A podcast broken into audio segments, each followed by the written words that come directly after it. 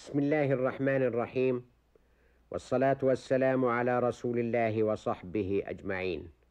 مستمعي الكرام السلام عليكم ورحمة الله وبركاته.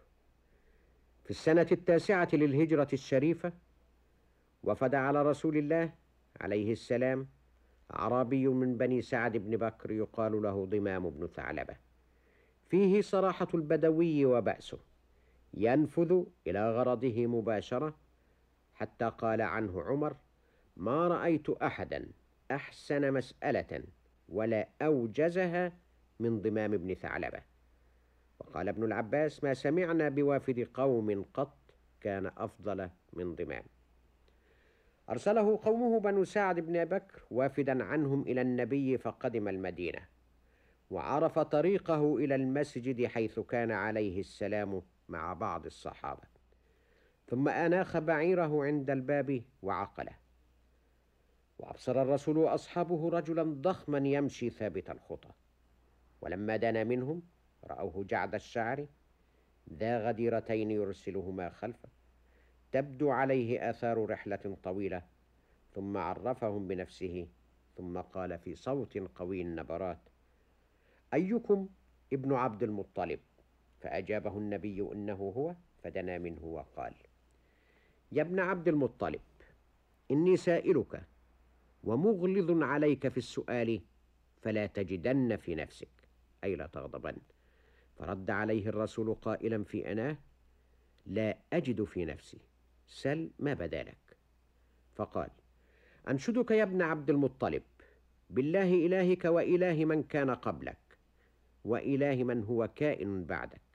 أألله بعثك إلينا رسولا؟ فقال الرسول اللهم نعم. ثم عاد فناشده الله.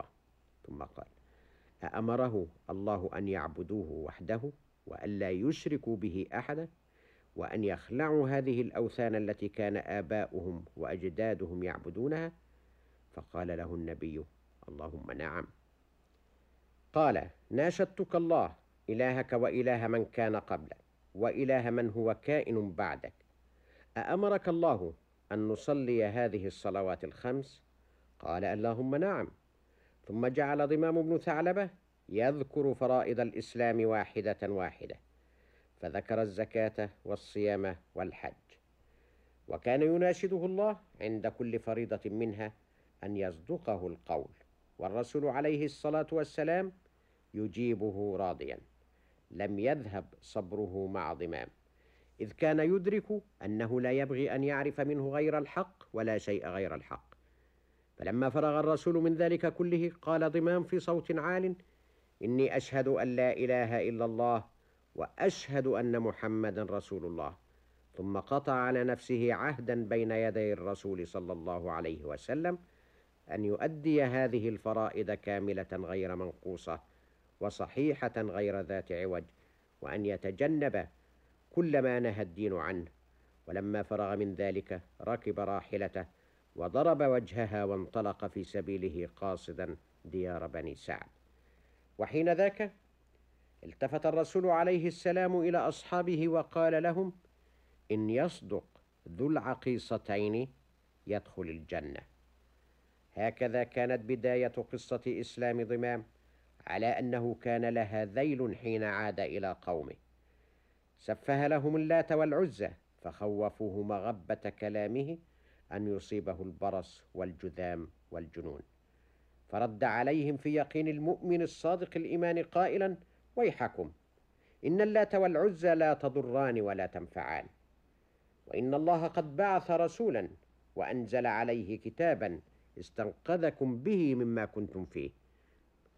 ثم نطق أمامهم مرة أخرى بالشهادتين وقال قد جئتكم من عند محمد بما آمركم به وأنهاكم عنه.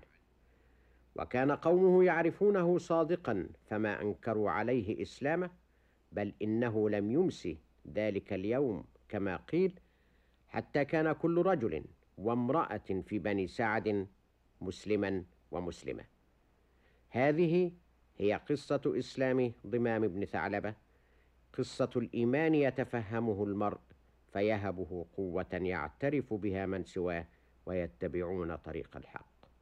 مستمعي الكرام شكرا لكم على إصائكم وإلى حديث الغد إن شاء الله تعالى مع قصة إسلام صحابي آخر. والسلام عليكم ورحمة الله وبركاته.